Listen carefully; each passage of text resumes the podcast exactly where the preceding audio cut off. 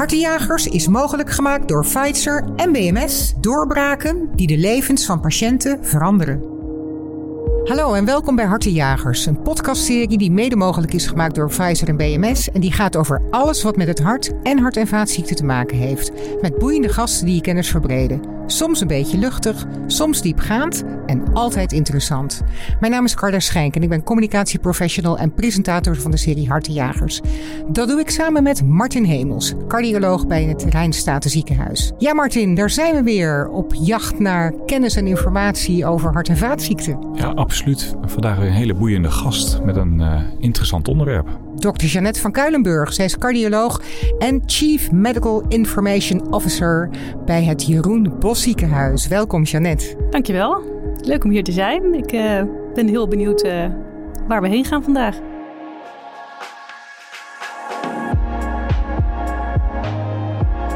We hadden een aantal draaideurpatiënten waarvan we zagen dat ze totaal geen regie kregen over hun eigen aandoening.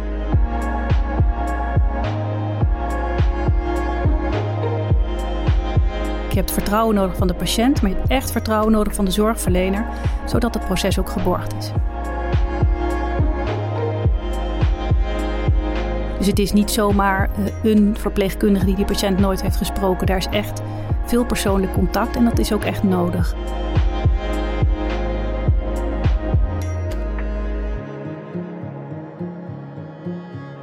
Kun je iets over jezelf vertellen? Ja, je zei dat een en ander. Ik ben cardioloog inderdaad in het Jeroen Bos ziekenhuis. Um, en houd me daar bezig eigenlijk vooral met hartfalen, chronische aandoening. Ben ook wat breder uh, kartrekker van chronische zorg uh, in ons ziekenhuis. Um, en je vertelde net al dat ik ook CMIO was, een hele afkorting. Waarbij ik um, me eigenlijk bezighoud met alle medische processen in het ziekenhuis. Um, en met name uh, de digitale weerslag daarvan en hoe we daar in de toekomst verder mee moeten. En dan is die link natuurlijk heel mooi naar chronische aandoeningen, zoals hartfalen daar één is.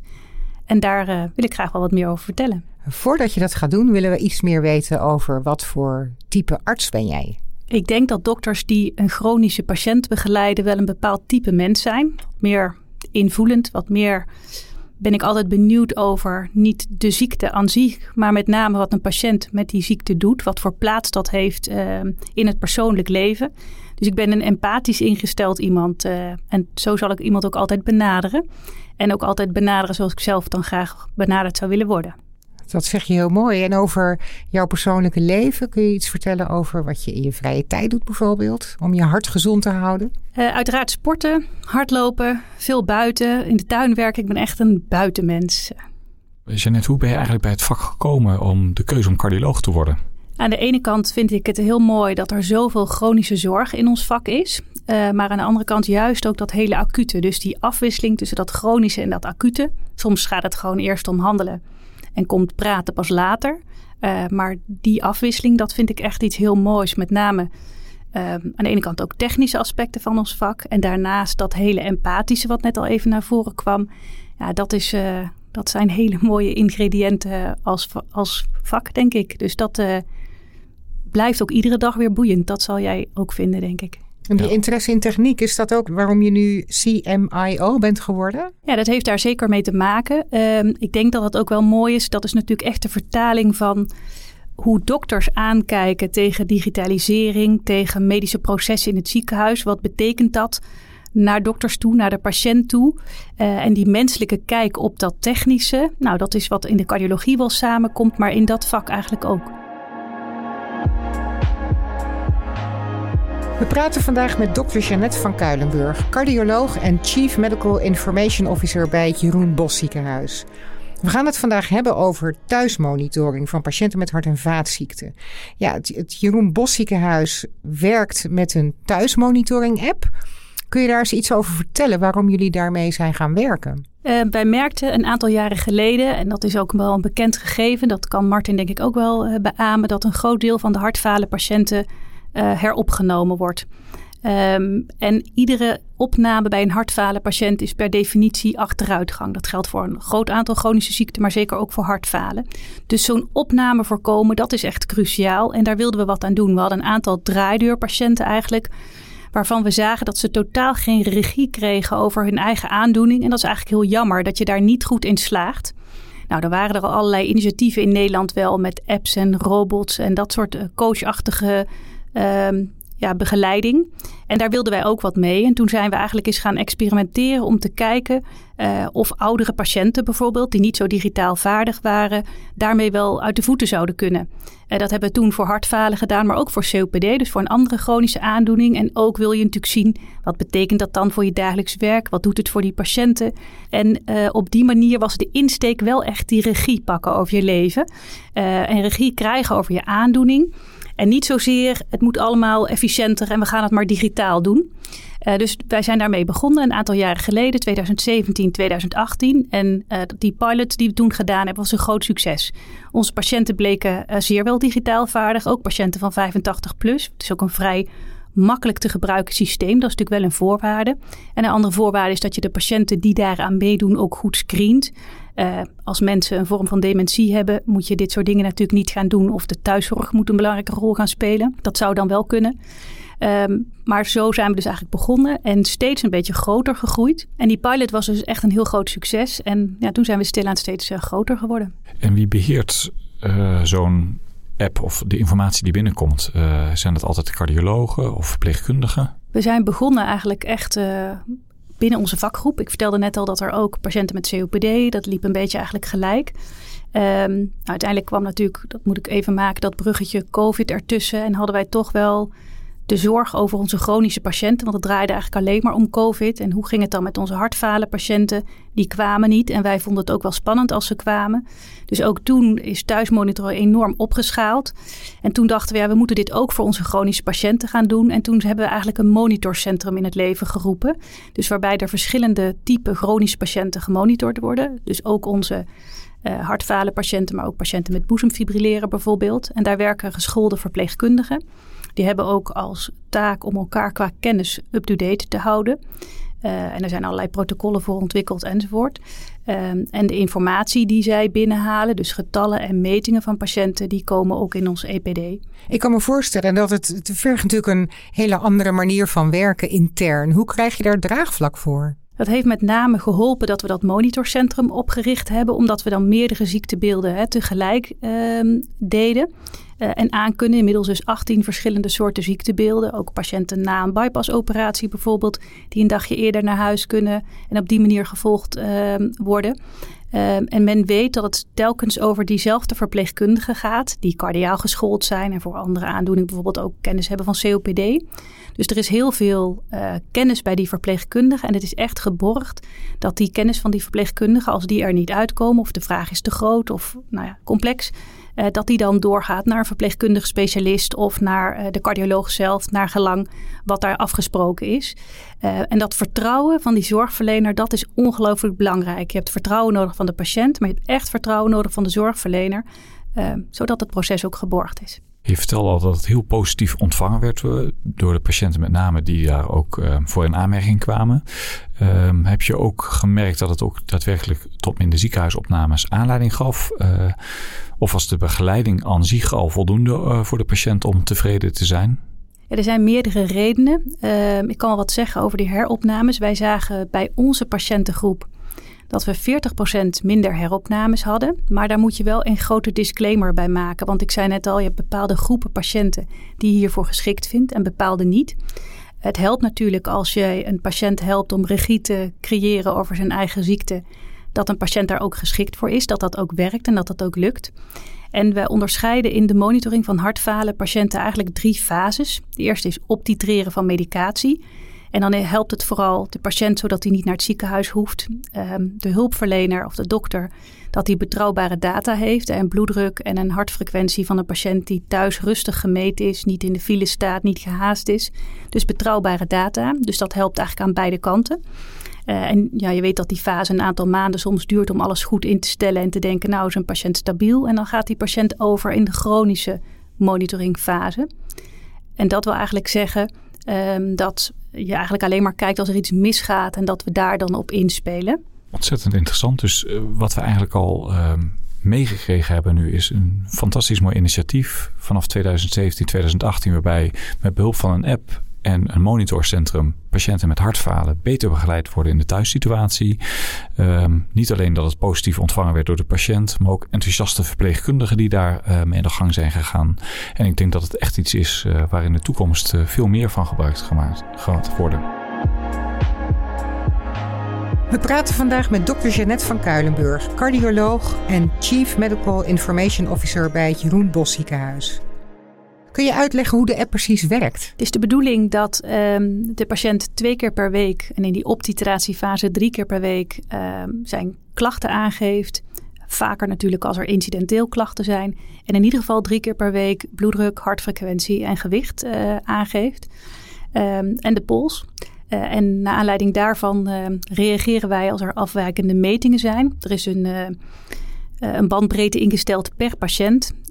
Wat je acceptabel vindt aan bloeddruk en gewicht en dat soort zaken. En met name als we wel al een zekere trend zien.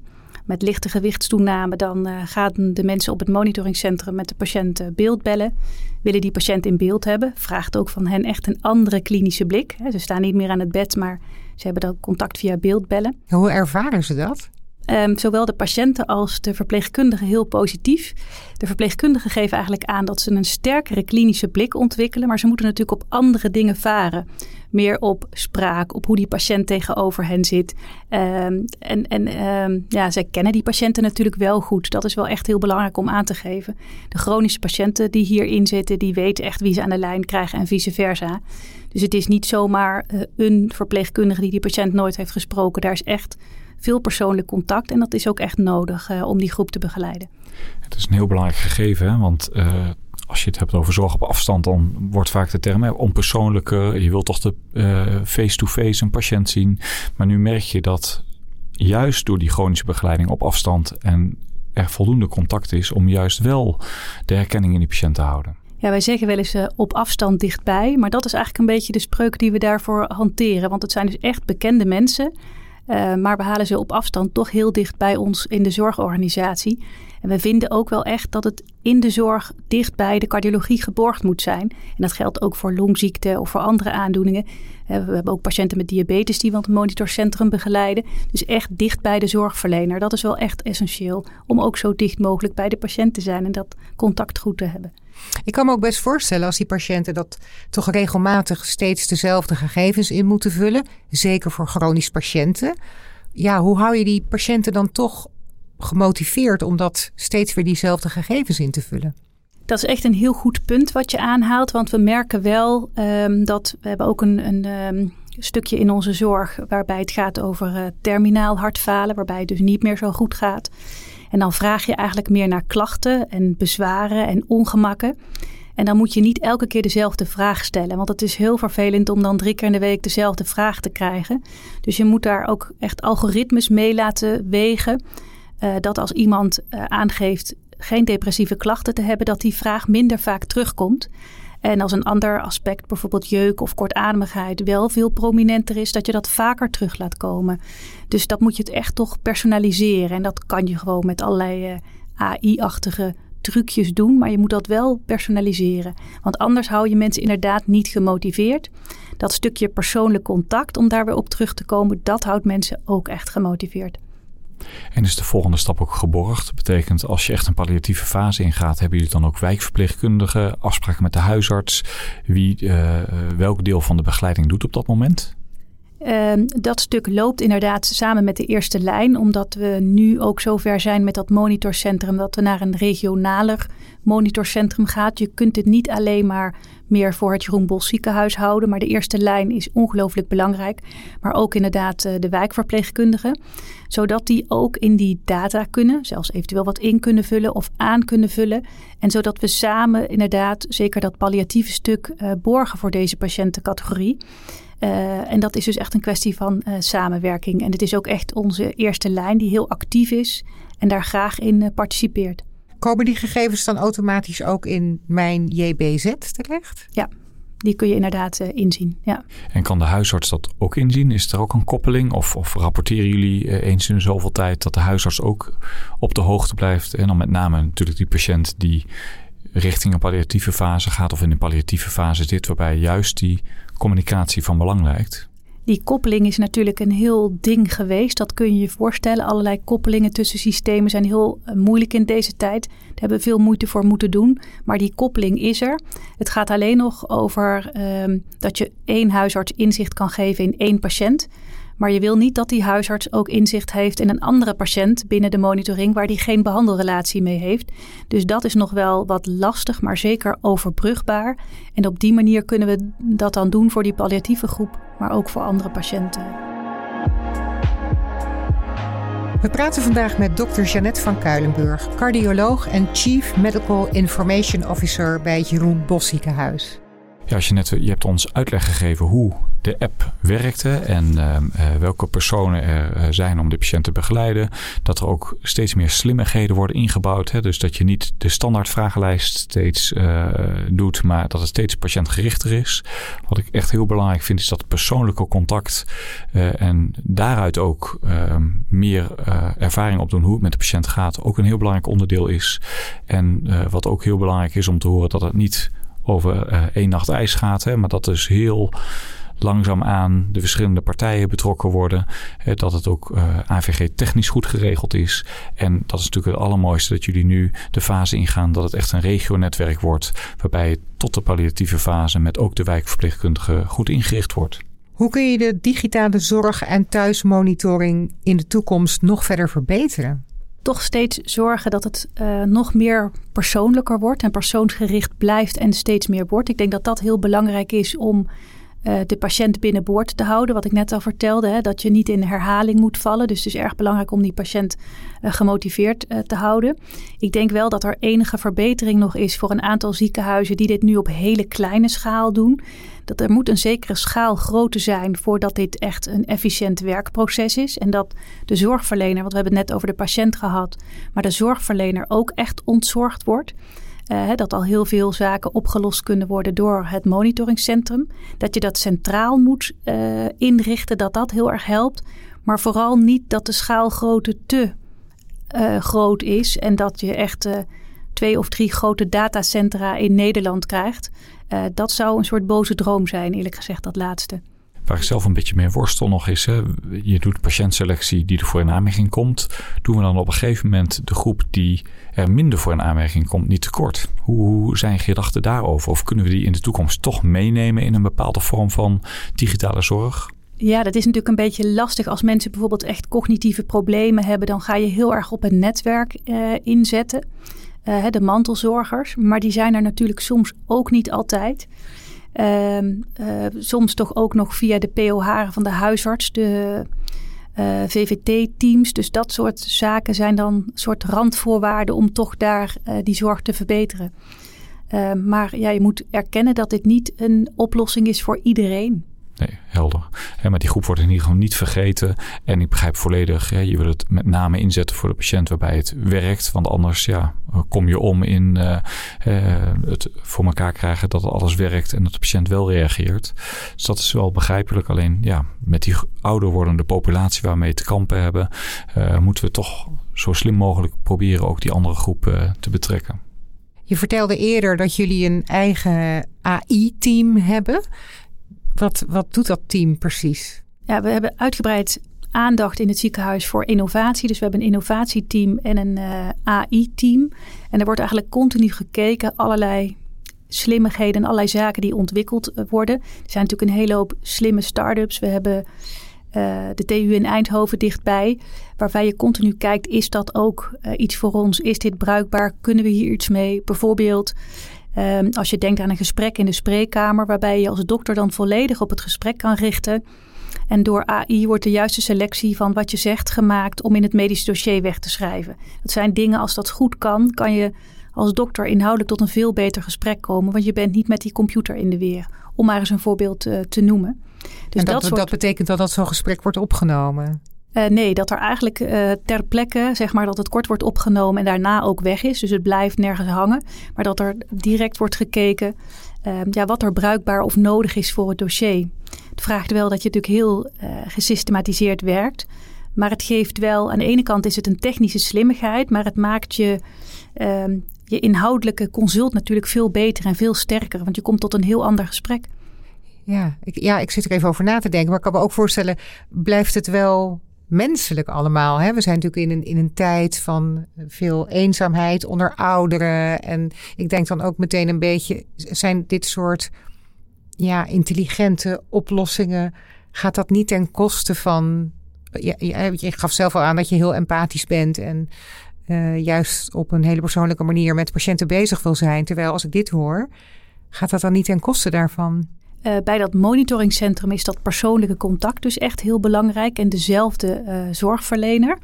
Um, en ook bij dat soort AI-oplossingen is het met name dat de verpleegkundige of de professional die een gesprek heeft met de patiënt, als die zich volledig bezig kan houden met de patiënt en niet met uh, in de computer zoeken en typen en dat soort dingen, wordt het eigenlijk natuurlijk inhoudelijk beter en empathischer. Dus dat is wel iets wat we continu in het oog moeten houden.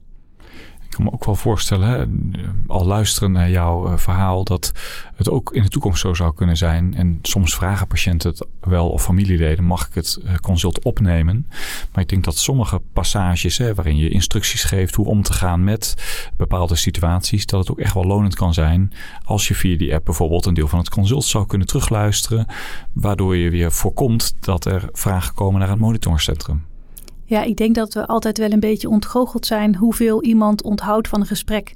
De meeste mensen zijn toch wel een beetje gespannen en uh, knikken op dat moment ja, maar hebben eigenlijk jouw boodschap of uh, de waarde die je noemt of de instructie die je geeft toch niet goed genoeg begrepen.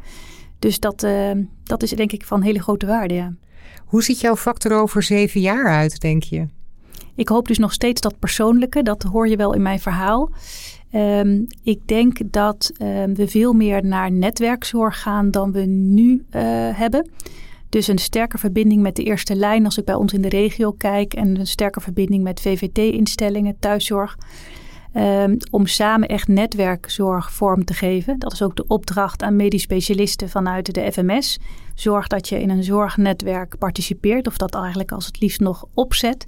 Uh, en dat is uh, zoals ik het meer zie in de toekomst. En verwacht ook dat de overheid daar meer op in zal spelen door ook budgettering voor bepaalde chronisch patiëntengroepen uh, te gaan. Verwacht of hoop? hoop, maar verwacht het eigenlijk ook wel. Wat ook enorm meehelpt is jouw openheid over jullie initiatief van het Jeroen Bos ziekenhuis. jullie delen dat ook binnen Connect, het netwerk van de NVVC, waarbij we juist die transmorale zorg proberen te verbeteren. En zo is er ook een initiatief van het OVG met een hartvader lounge, patiënten waarbij het niet meer thuis gaat om die een dagopname te bieden. Om op die manier dan weer een langdurige opname te voorkomen. En ik denk als we die kennis blijven delen en daar de best practices uithalen, ja, dat je op een gegeven moment tot een bepaalde zorg modus komt. Waar je ook uh, dat als olievlek in Nederland verder kan verspreiden. Ja, en ik denk dat we dan uh, nog beter komen tot uh, de betere zorg die we allemaal nastreven. Ik denk dat het heel belangrijk is om die best practices te blijven delen, ja, zeker. En ik denk als we ook verenigd zijn dat we ook uiteindelijk eerder die zorgverzekeraar de overheid meekrijgen. En dataverzameling is daarin ook ontzettend belangrijk. En ik begrijp dat jullie dat ook goed opgezet hebben. Hè? Dat jullie ook goed kunnen evalueren. Um, en ik denk dat dat ook essentieel is. Hè? Want dat is toch vaak iets waar een zorgverzekeraar of overheid om vraagt. Dat je ook uh, aantoonbaar de zorg daarmee verbetert. Ja, het blijft belangrijk, denk ik. Het is misschien wat idealistisch om eerst de beweging in gang te zetten. En dan uiteindelijk te zeggen: kijk eens wat wij hebben staan. En dan financiering uh, nou ja, af te dwingen klinkt wat zwaar, maar voor elkaar te krijgen. Maar zo denk ik wel dat je het moet doen, ja. Ja, hiermee zijn we aan het einde gekomen van onze podcast Hartenjagers. Vandaag ging deze over thuismonitoring voor mensen met hart- en vaatziekten. Dankjewel Jeannette voor je komst en de toelichting die je hebt gegeven. Heel graag gedaan en dank voor de uitnodiging. Ja, en ik denk weer een hele inspirerende en waardevolle podcast voor uh, vele mensen die in de praktijk met patiënten met hartfalen of andere hart- en vaatziekten werken. Dankjewel Jordan voor de techniek en de montage en luisteraars, dankjewel voor het luisteren en tot de volgende keer. Tot de volgende keer en volg onze jacht naar antwoorden die helpen om hartproblemen te voorkomen en behandelen.